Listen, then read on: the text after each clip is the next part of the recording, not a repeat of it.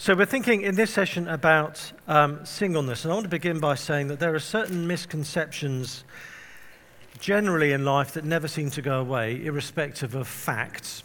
So, let me give you one example. Um, people seem to think that the Great Wall of China is visible from space. Okay, hands up who thinks the Great Wall of China is visible from space. I've just set that up in a way that you're probably not going to admit it. But uh, it's, it's not, because it's a wall. Okay, making a wall really long doesn't make it visible from space. Um, uh, here's another one. People always say that if you, if you shave, your hair will grow back thicker. Okay, if that was true, we would not have baldness. People would just keep shaving their heads and it would keep growing back thicker, and that would never be a thing. So that's not true either. Um, but the main min- misconception I want us to think about this morning, we can talk about shaving and the Great Wall of China later on if you want, I don't know. Uh, but the main thing we're going to think about is, is the idea that singleness is terrible. And there are particular components to that misconception that we're going to look at um, in this um, session. Four particular ways in which we articulate that. So we think singleness is bad for you. We think it requires a special calling. We think it means no intimacy. And we think it means no family. So I want to take each of those and try and show how what the Bible teaches is, is surprising and exciting for us about singleness. So, can I pray for us as we start the session? Let's pray.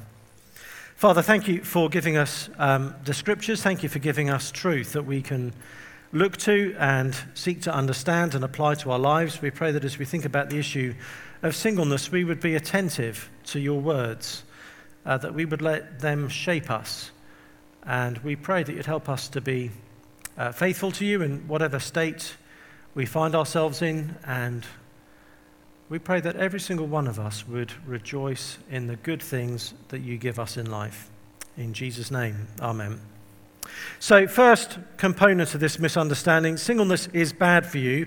Um, to our culture, the idea of being long term single, by which we mean as Christians celibate, um, that idea is both laughable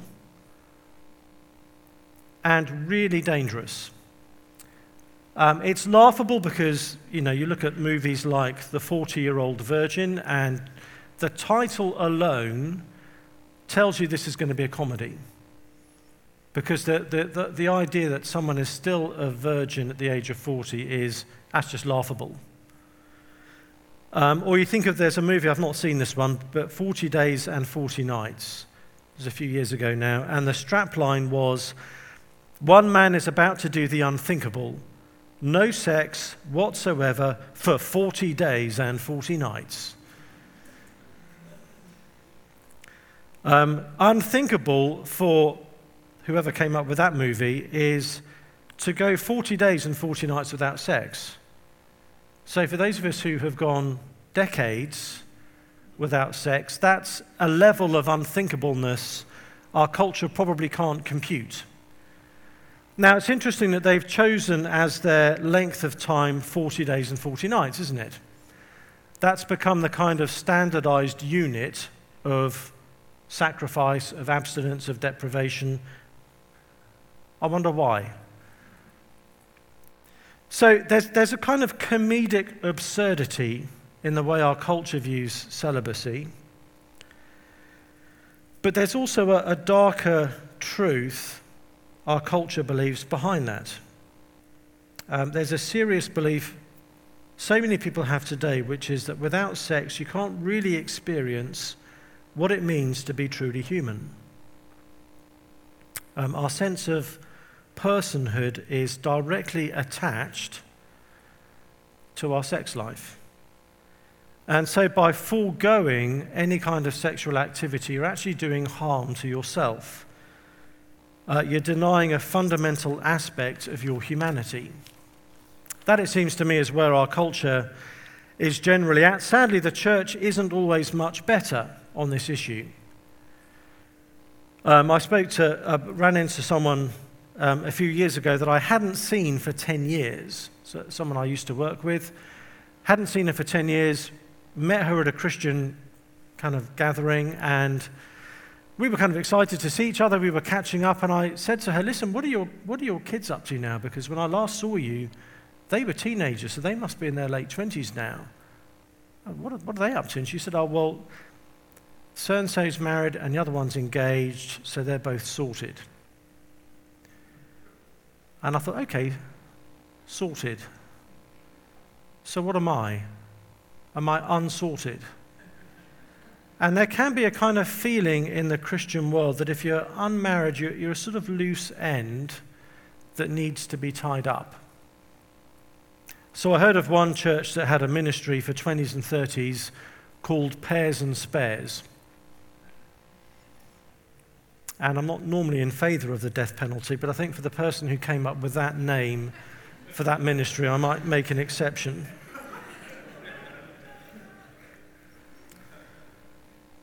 But there is a, a, kind of underlying assumption very often that you really are supposed to get married.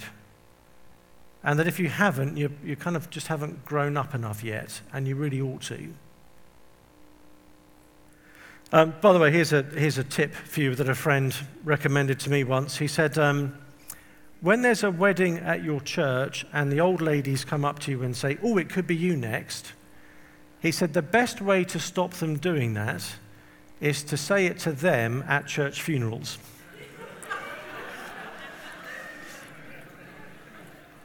Works a treat, by the way. Recommend that. Um, as we saw last night, if you were here, the very fact that Jesus was single and celibate tells us that however good marriage is, however good sex is, properly understood and rightfully kind of practiced, those things cannot be essential to a full human life. Otherwise, we diminish and take away from the humanity of Jesus. Um, Paul himself was also single, and moreover, Paul had quite a lot to say about singleness. In 1 Corinthians chapter 7, Paul gives us some extended teaching on marriage and singleness. It's probably the um, fullest part of, of the, the Bible on this whole issue. And Paul surprises us by his perspective on singleness. We often define singleness by it being the absence of the good things you have if you're married. So we tend to define singleness by what it misses out on. Uh, we even call single people unmarried. We don't call married people unsingle. The assumption is that singleness, by definition, is the absence of something. And typically we think it's the absence of lots of good things. Um, Paul in 1 Corinthians 7, verse 28, shows us that inasmuch as he defines singleness as the absence of something, he says in verse 28 Those who marry will have worldly troubles, and I would spare you that. Now that's interesting. Paul, Paul's making a serious point. Those who marry will have worldly troubles. Paul is not being negative about marriage. Paul has some of the most beautiful and lofty things to say about marriage that are anywhere in the Bible. But Paul also knows the reality of marriage that actually it does bring certain worldly troubles.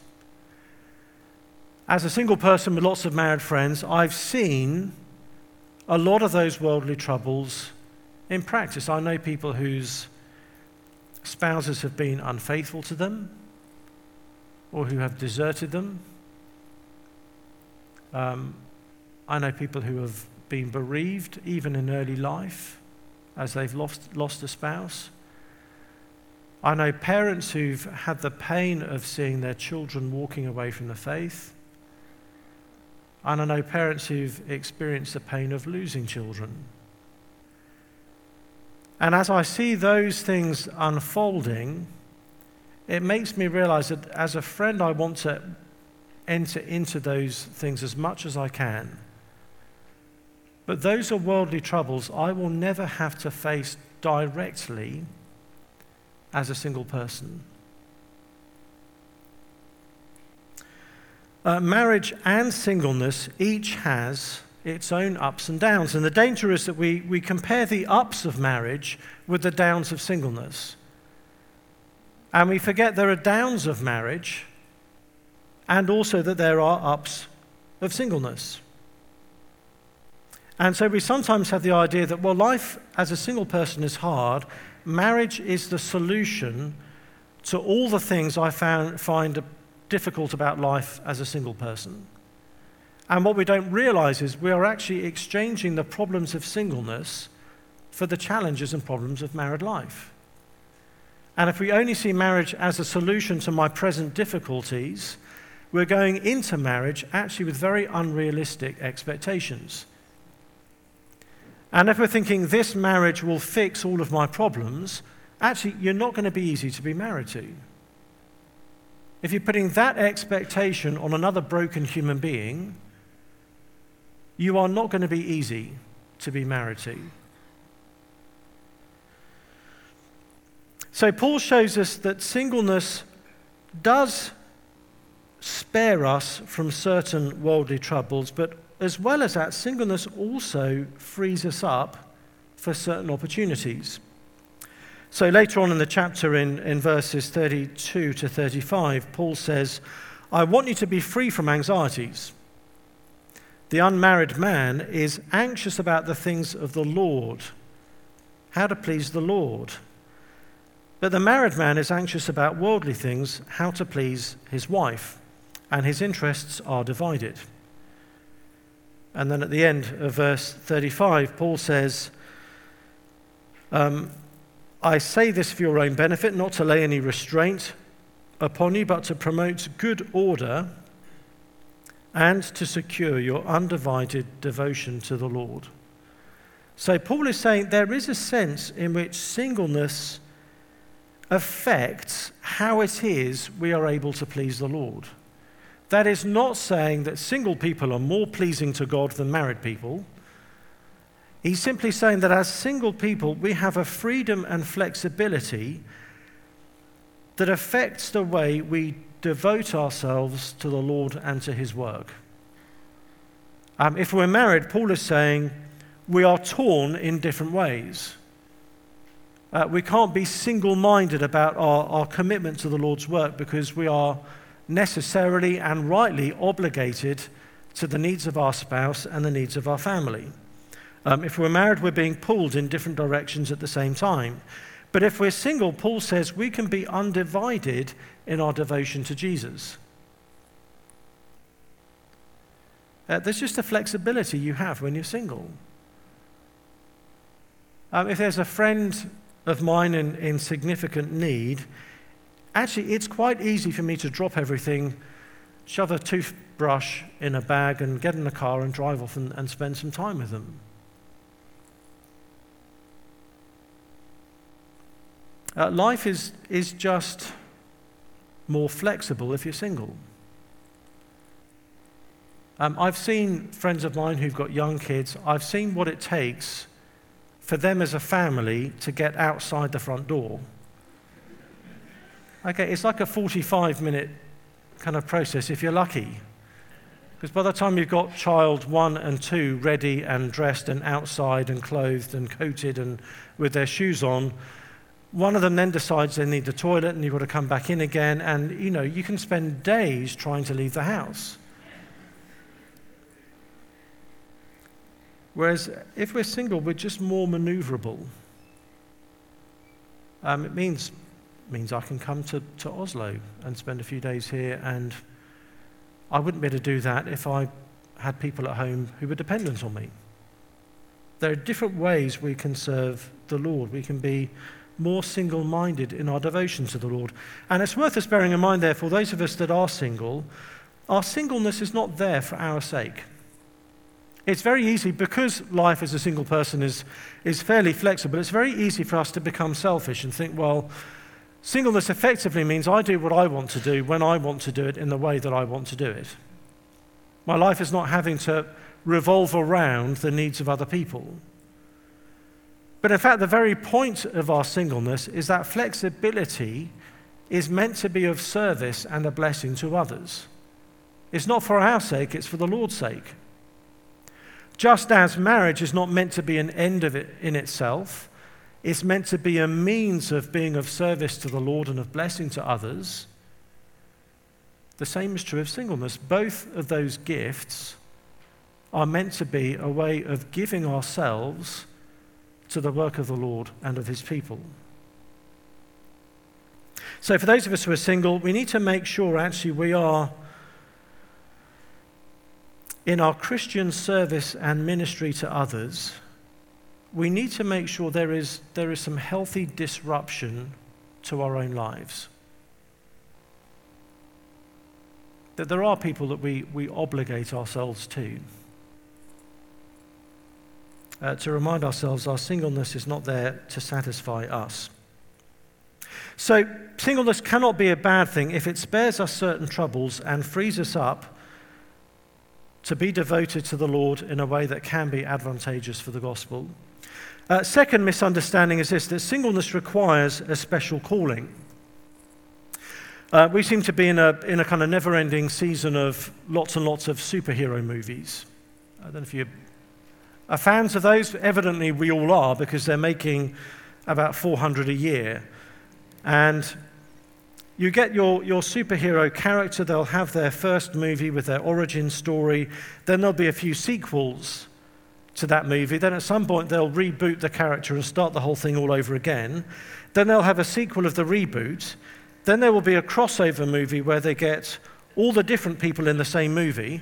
Then there'll be a sequel to the crossover movie, which they will then reboot and redo the thing with everybody else, and then and so it goes on. So Marvel, just in the last, is it 11 years, have made, I think, 23 superhero movies, or they've made one superhero movie 23 times, depending on your perspective.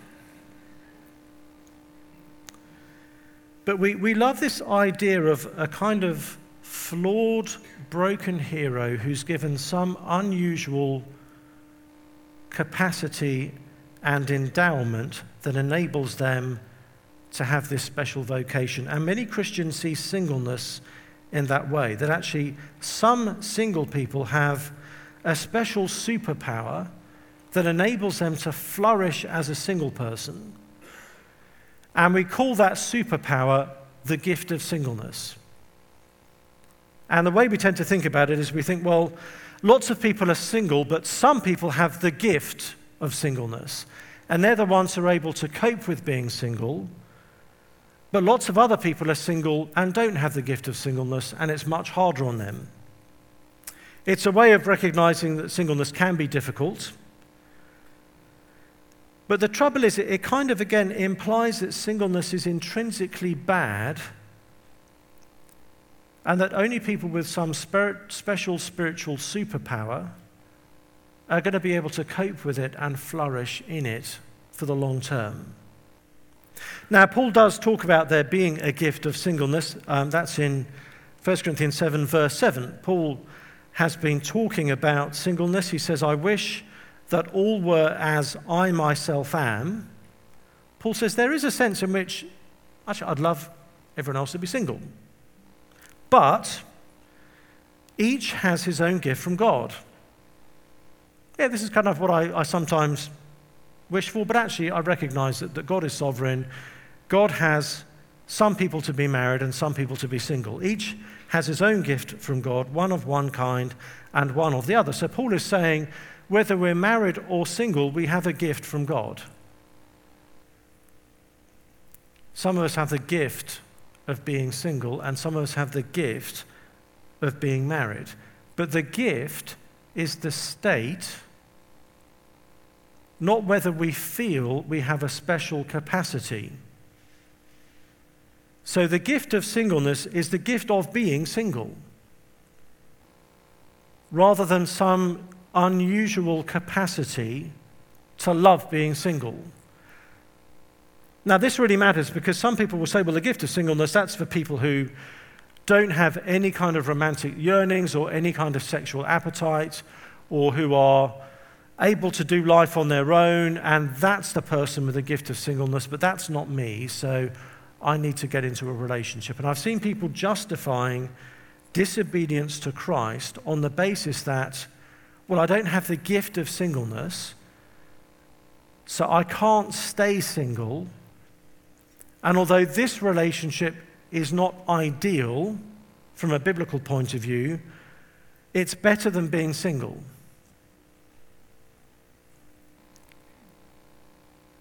And this is where we see the problem with talking about the gift of singleness as some special spiritual superpower. It basically is another way of saying, I'm not sure I have the gift of being obedient to God. And therefore, I'm the exception to the rules, and therefore, the rules don't apply to me. I've seen people justify marrying unbelievers on that basis. I've seen people justify having a same sex relationship on that basis. Well, I don't have the gift of singleness, so therefore it's God's fault. Uh, what is to stop someone whose marriage is, is in a, a challenging season from saying, Well, I know I'm married, but I don't have the gift of being married? Or at least not to this person. But I think I have the gift of being married to that person. So therefore, I've got to follow the gifting.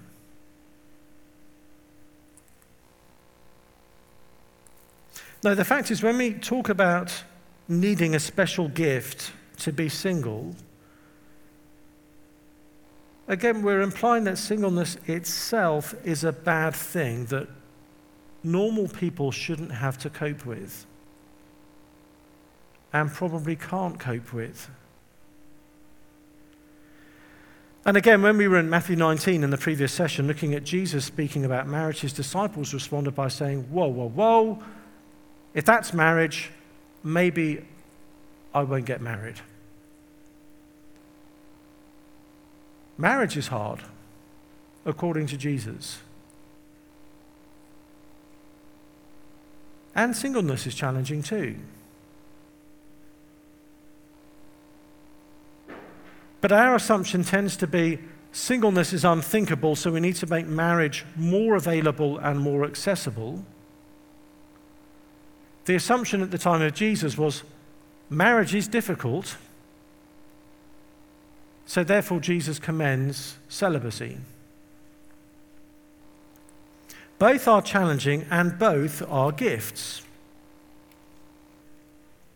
Both are expressions of the goodness of God to his people.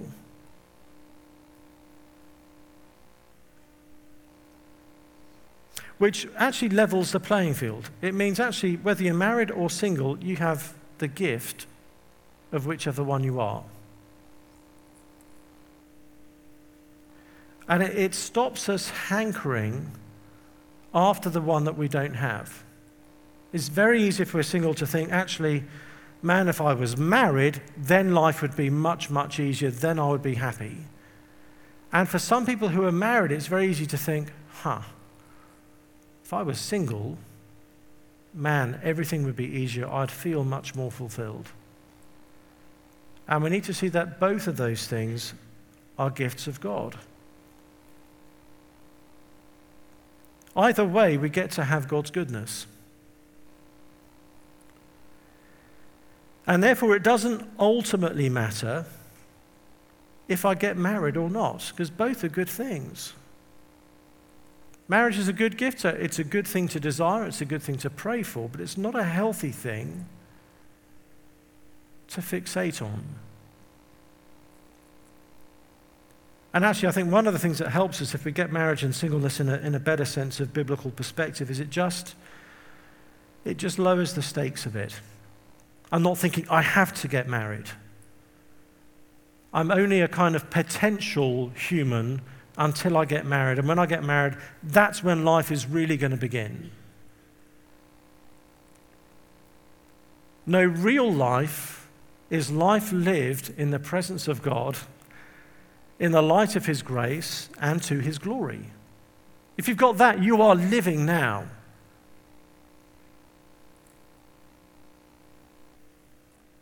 And also, I find if you, again, if you are most fixating on being married, again, it's likely you're going to be over expecting from your spouse.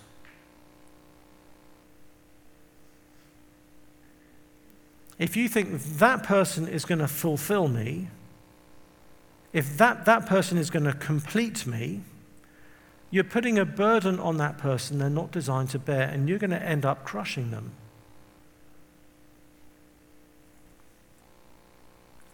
So, both marriage and singleness are gifts. You don't need a special calling to be single, you just need to be unmarried to be single. If you are unmarried, you have the gift of singleness. For as long as you are unmarried, you are experiencing the gift of singleness. If you are married, you now have the gift of being married. Third uh, misunderstanding is this that, that singleness means no intimacy. And this perhaps is the most common misunderstanding. We tend to think, well, if you're single, that means you, you are having to do life on your own in a complete lack of relational intimacy. You're living a life without love.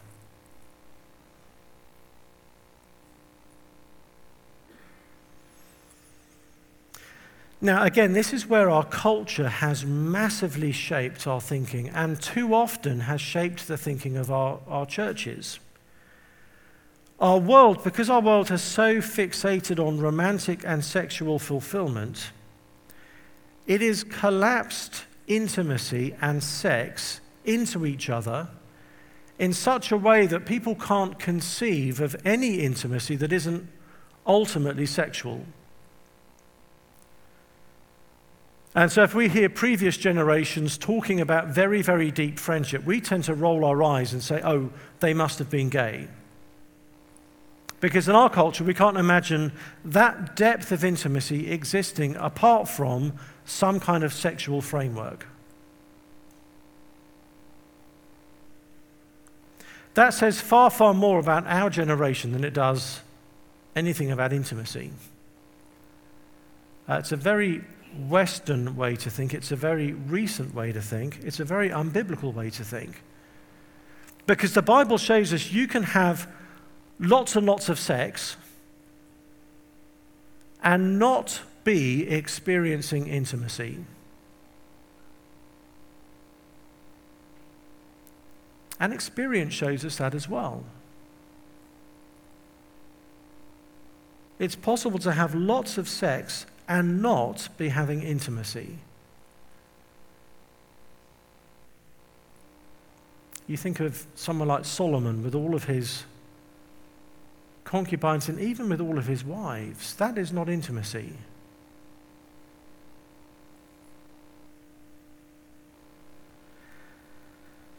But similarly, the Bible also shows us you can have lots and lots of intimacy that has nothing to do with sex.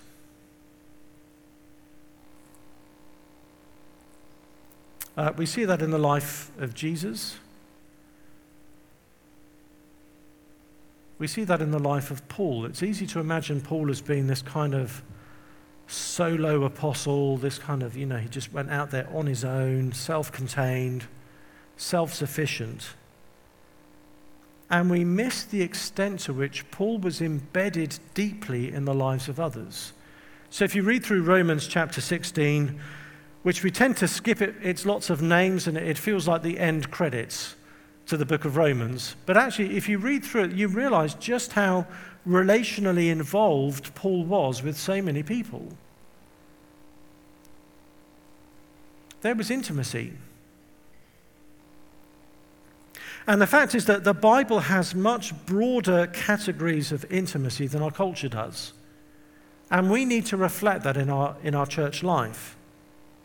So, in the Bible, friendship is a category of intimacy.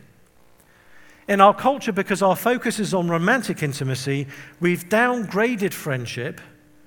We've turned friend from a noun into a verb. And what we've done with it is we've basically said anyone who kind of you have a link to on social media, that's a friend. It's a connection.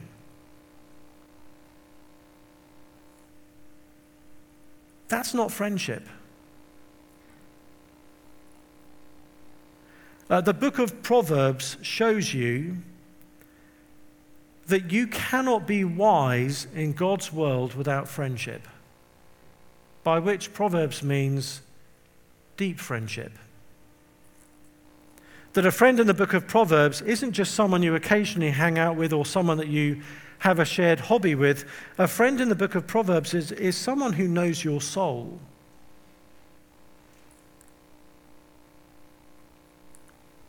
And all of us need that kind of friendship.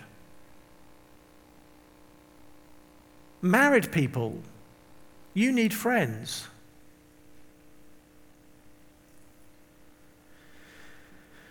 Uh, the best and most amazing, I think, verse about friendship in the Bible is John 15, verse 15. Jesus uh, says something amazing to the disciples. It's one of those verses where I put it in the category of I would never, ever, ever believe that if it wasn't in the Bible. Uh, Jesus says to the disciples, No longer do I call you servants, because the servant doesn't know what his master is doing. If you're a servant, then you don't have clearance on all the things that are going on behind the scenes in the life of the household. You have your jobs and you do your jobs. You're not entitled to know what's actually going on. So Jesus says, no longer do I call you servants, but I have called you friends.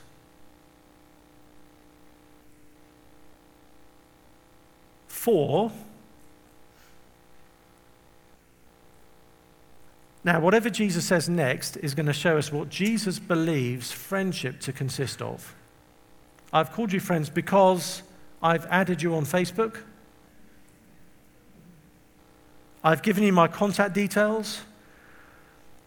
I'll see you three times a year at the pub.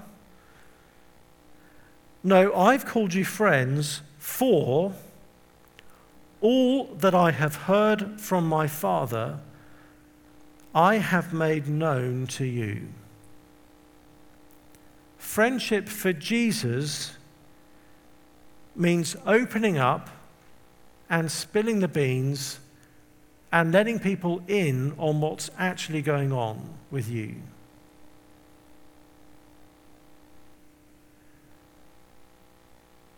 That's the kind of friendship all of us are designed for, and, and that is that's intimacy.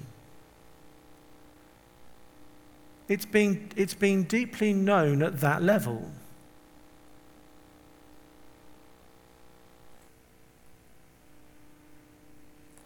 And so we need to rediscover the art of friendship.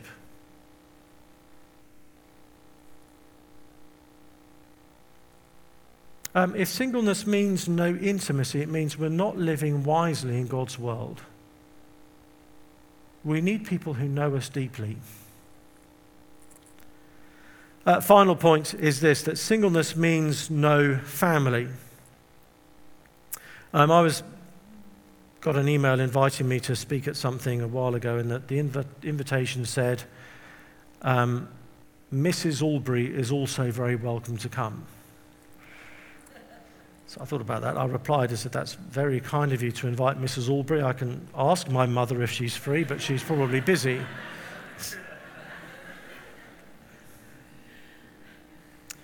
And you know, it's the kind of thing where that happens, the other person then feels really embarrassed and awkward because they thought you were married and you're not. And the reason that feels awkward is because they, they, it feels like you've just told someone some sad news about yourself. So now they have the awkwardness of, oh, I'm sorry. Oh, I didn't realize you were, you were single. Oh, I'm, I'm awkward now. And again, the assumption is for many of us that being single means an absence of family. But again, that is not biblically the case. Uh, we'll think a bit more about this um, this evening, but the, the primary category the Bible uses to describe the local church is family. We're very familiar with that. We tend to use family language frequently and often in our kind of talking about church life. But my fear is we use that language primarily as a PR exercise rather than because it most fits the way our churches actually are. We like speaking of church as a family because it makes us sound warm and friendly. But for how many of us is our experience of church life genuinely an experience of family?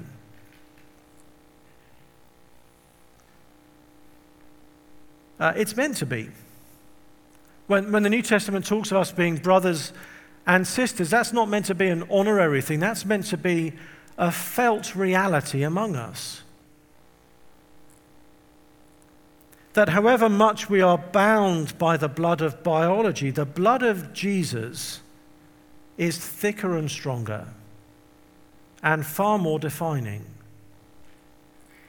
So Jesus reconfigures the family. When people come up to him and say, Hey, your, your family's your family's looking for you, he says, Actually, these guys are my real family. What the gospel does in our lives is it creates family. If God is my father and God is your father, that puts us now in a family relationship. And if God has gathered us into the same visible, physical, local expression of that, then we truly are family of one another. which means we need to, to live that out.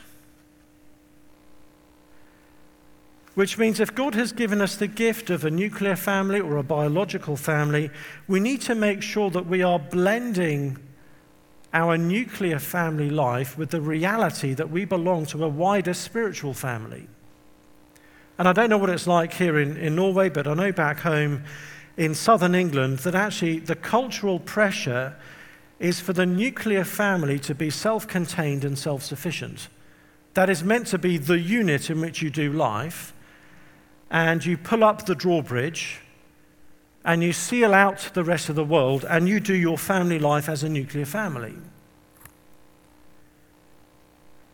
But if we have a, a proper understanding of the local church, we need to realize actually the church also is real family and moreover, my nuclear family needs the input and involvement of the wider spiritual family. And so it should mean that the, the boundary of our nuclear family is, is blurred and porous. That actually our normal nuclear family life involves other people as well, that we're folding other people into our regular family life. And as we do that, I take it it's, it's, a, it's a double blessing. It's a blessing for the people that you're involving in your family life. I know for me as a single person to be involved in the family life of my friends means a great deal to me.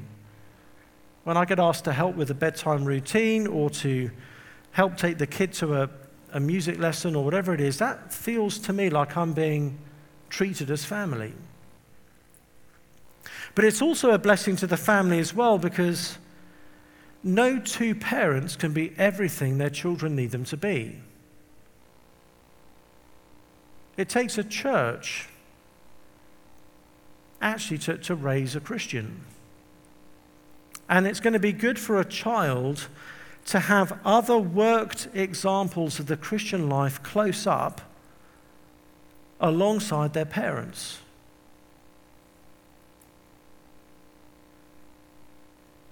Um, some friends of mine years ago asked me to be a godparent to their new daughter. And they said, Listen, we're, we're, not asking you to be a godparent because we want you to kind of fuss about presents and that kind of stuff. Actually, we really want you to pray for us as parents. We're going to need that. But also, we, we want you to be someone she can talk to when she's not sure she can talk to us. Now, she was like two days old at that point. But they were just assuming that there may be times and areas of life where they're not the best people to talk to her.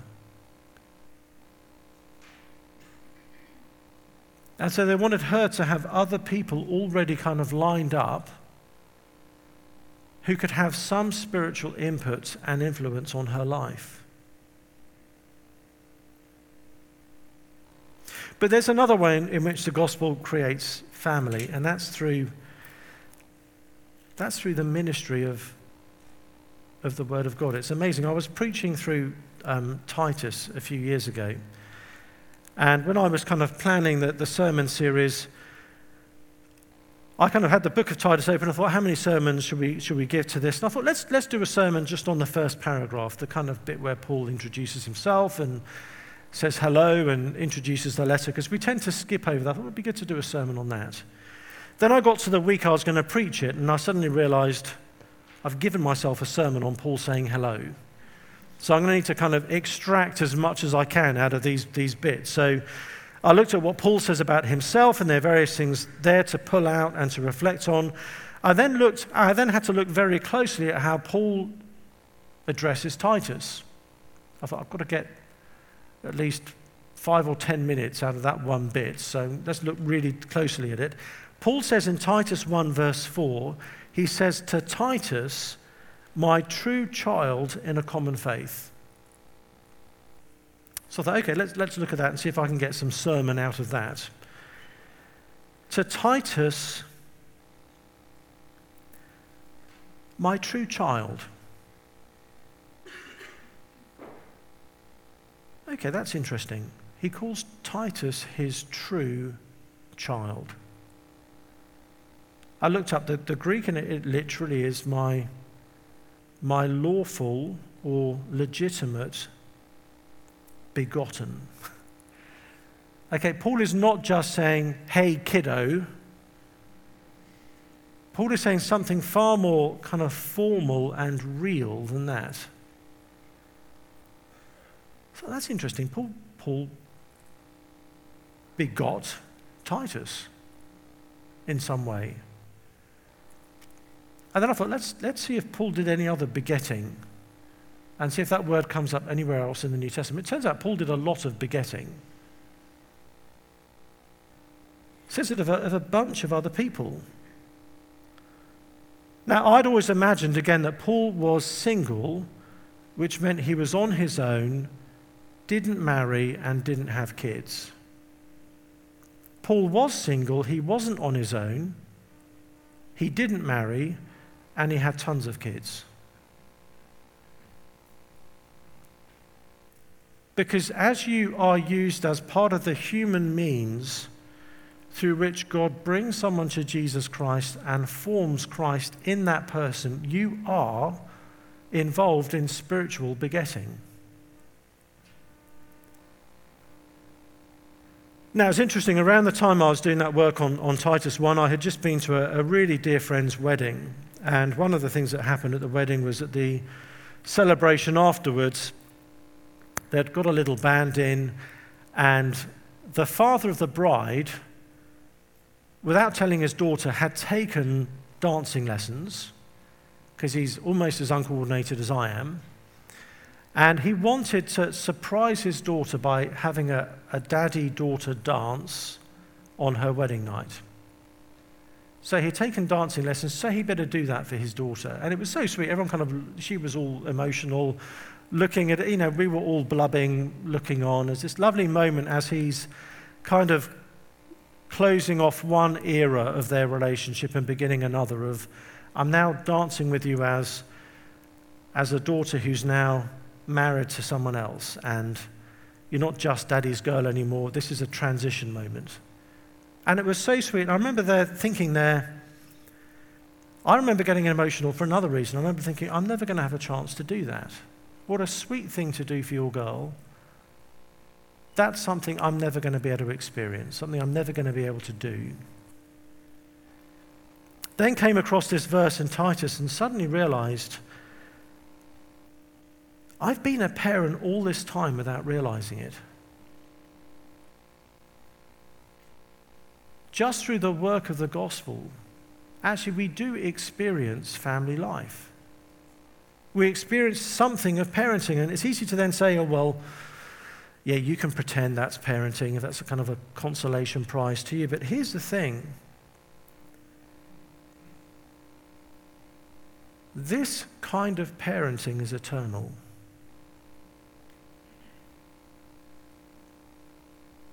Now, in, in the best cases, our physical children are also our spiritual children.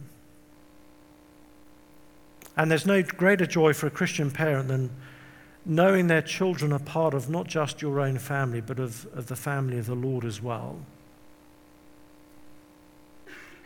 Sadly, that's not always the case. But someone doesn't need to be your biological child in order for you to be their spiritual parent. Actually, any of us, through the work of the gospel, can be involved in begetting,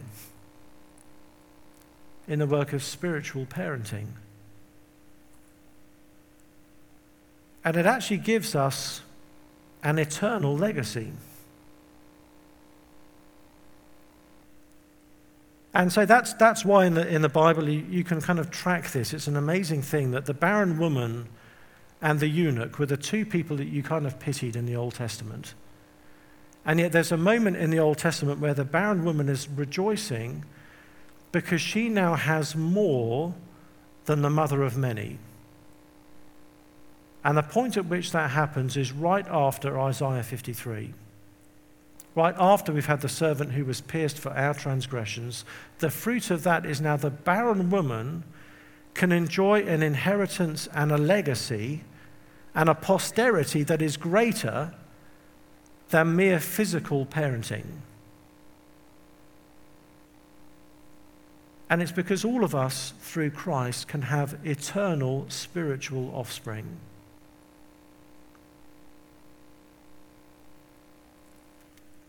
So, singleness does not mean no family. While singleness apart from Christ might mean no family, but singleness with Christ should mean an abundance of family. So, four misconceptions about singleness it's, it's bad for you, it requires a special calling, it means no intimacy, and it means no family. Actually, the New Testament gives us a very different vision. So let me pray, and I think we've got maybe five minutes for people to ask a couple of questions. Let's just quickly pray, though. Father, again, we, we thank you for what we have in Christ, that it's always more than we think it is. It's always better than we think it is. And as we think about this issue of intimacy, of family, of parenting, Please open our eyes to the spiritual reality of what we're part of and just how glorious a thing that is. And we pray in Jesus' name. Amen. Um, got a few minutes. Anyone want to ask a, a question? Got one down here. Is someone going to run around with a mic or walk really slowly uh, with a microphone? Lot, Sam. Thank you so much, Sam, for your insights in this area. It's been really encouraging to hear you. Um, I, would like to ask um, I'm, I'm single, and um, uh, in, uh, in my life as a single person, I've struggled with, um, with bitterness and, and hopelessness and self pity.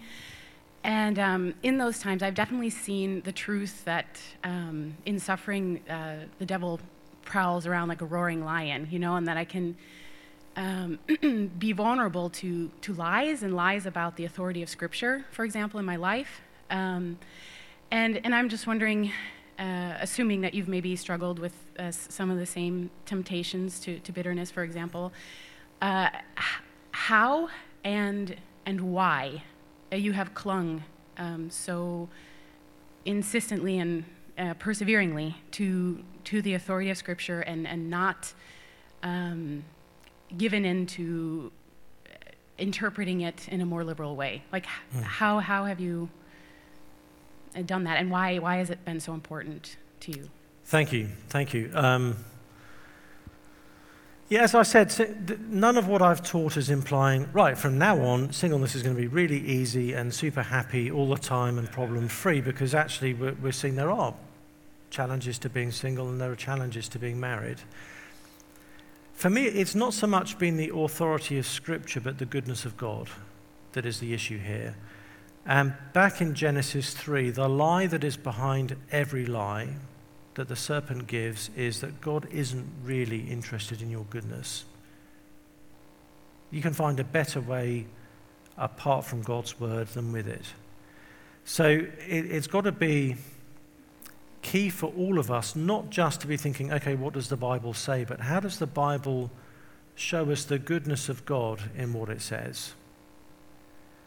And that makes that to me has made the world of difference because it's all well and good to think, okay, the Bible says that, that, and that, and that's difficult.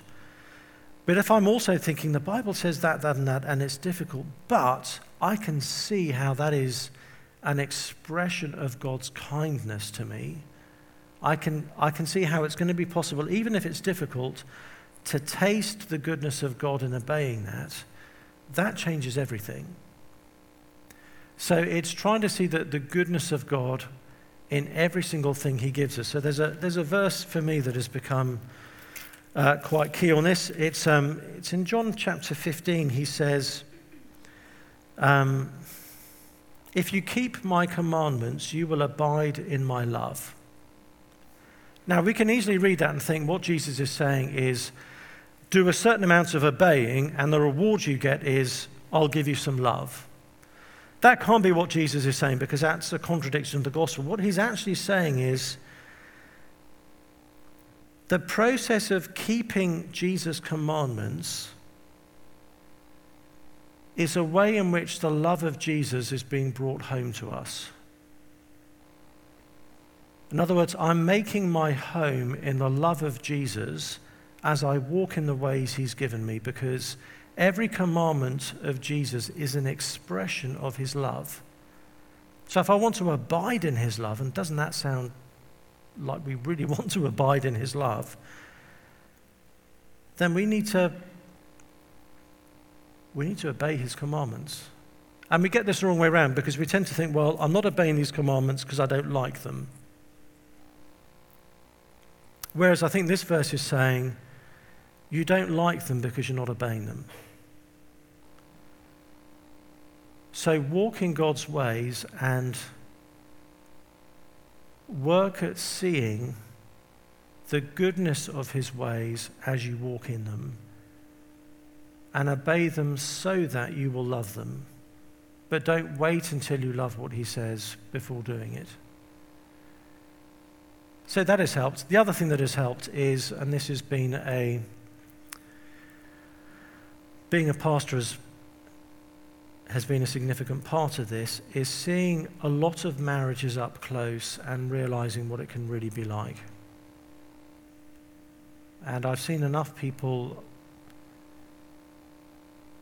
struggling in very difficult marriages to make me think, okay, that's not easier. Um, a, a ring on your finger does not mean the end of loneliness. I know people who are lonely in their marriage. I think I'd, be, I'd rather have to cope with loneliness as a single person than loneliness in marriage. So, being acquainted with some of those worldly troubles has helped me to see that actually, you know, again, whichever way we, we end up being in life, whether it's single or married, we're going to have opportunities, we're going to have the goodness of God, we're also going to have some very serious challenges. And our marriage isn't, isn't the way of getting away from challenges. And sometimes the challenges of, of marriage can be, I think, can be harder than the challenges of singleness. So that's helped as well. And I think just, you know, understanding and trying to build real deep friendships has made a huge difference because we, we are meant to be known. And if we're feeling as though we're not, that is deeply painful because we're not designed for that. But sometimes the church doesn't help because church can often function in a way that implies the basic unit of church life is the biological family. Thank you. One more question. There's someone at the back left just to maximize your exercise.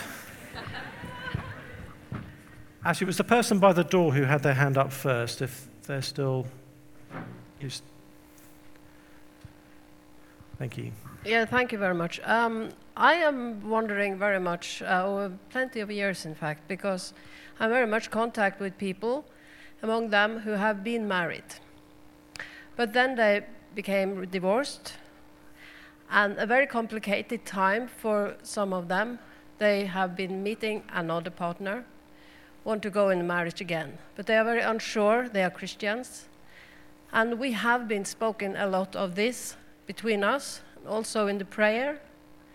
And some of them have been married again, and they are uh, very serious Christians. Then somebody can come and ask, Well, are you sure that you will be saved? Because you have been broken uh, one of the commands. And here is a very, very difficult question. And it's also very difficult to answer because we are not God. Mm-hmm. But I am trying to go into the text as you already have been going out from, and how Jesus is very much also talking with in John 8.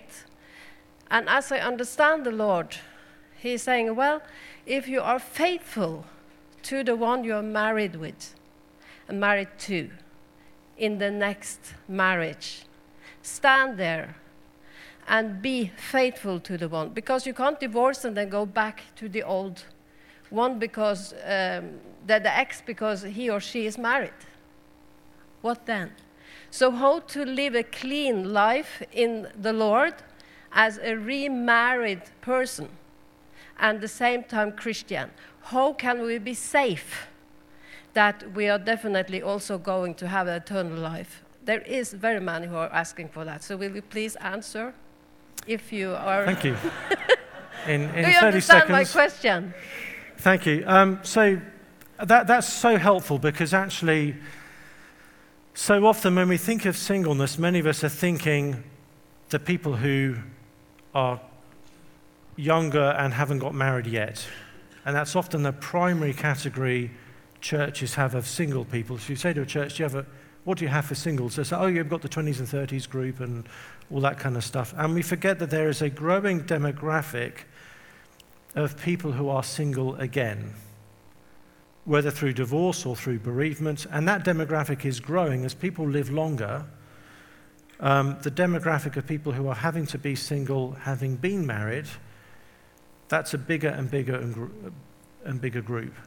Um, and so, for some of them, one of the issues they'll need to think through is is it appropriate for me to, to marry again, uh, or should I remain single? That's a, that's a very significant question to ask. There's certainly no question that if, if a spouse has died, you are free to remarry. There are discussions Christians have about whether, if you're divorced, whether you are free to remarry. And each Christian needs to look at that issue with an open mind and a, a, willing heart to go wherever the Lord leads on that. And there are Christians who land in, in different places on that. Um, and then for those who have remarried, whether or not it was the right thing to do, they are now married. So I think you're right that once someone is in a marriage, even if it was entered into improperly, um, they need to then think through what does it mean for me to honor the marriage that I'm now in. These things get very messy very quickly, uh, which is why we need the whole church to be on board and to be helping people think these things through. We need to have these kinds of conversations. On the part of, of those themselves who are in these situations or, or wondering about going into these situations, we need to be willing to go wherever the Lord leads us and to come to Him with, with genuinely open hands. And for those of us who are, are speaking into that and counseling into that, again, we need to be sensitive in the way that we have those discussions too. But certainly, have those discussions we must, and my fear is we tend not to. And people end up trying to figure this out on their own, which isn't good for anyone because all of us need the counsel and wisdom and prayers and encouragement of everybody else. One thing I would say is it should never feel as though in any church you have to be married in order to have any kind of intimacy and closeness with others. Um, if we're holding people to the, the biblical teaching on sex and marriage and expecting some people to be single, we need to be making sure we're providing healthy biblical forms of intimacy. Um, I've seen people in my own church get into unbiblical relationships and unbiblical marriages. And I believe that's disobedience. But I also want to say to the wider church family were we actually providing viable, healthy intimacy as an alternative? Because if we weren't, if we were all just saying, well, be single and we're just going to hunker down into our own little family units, then I think we bear responsibility for that person's disobedience. Okay, I think we're done. Thank you.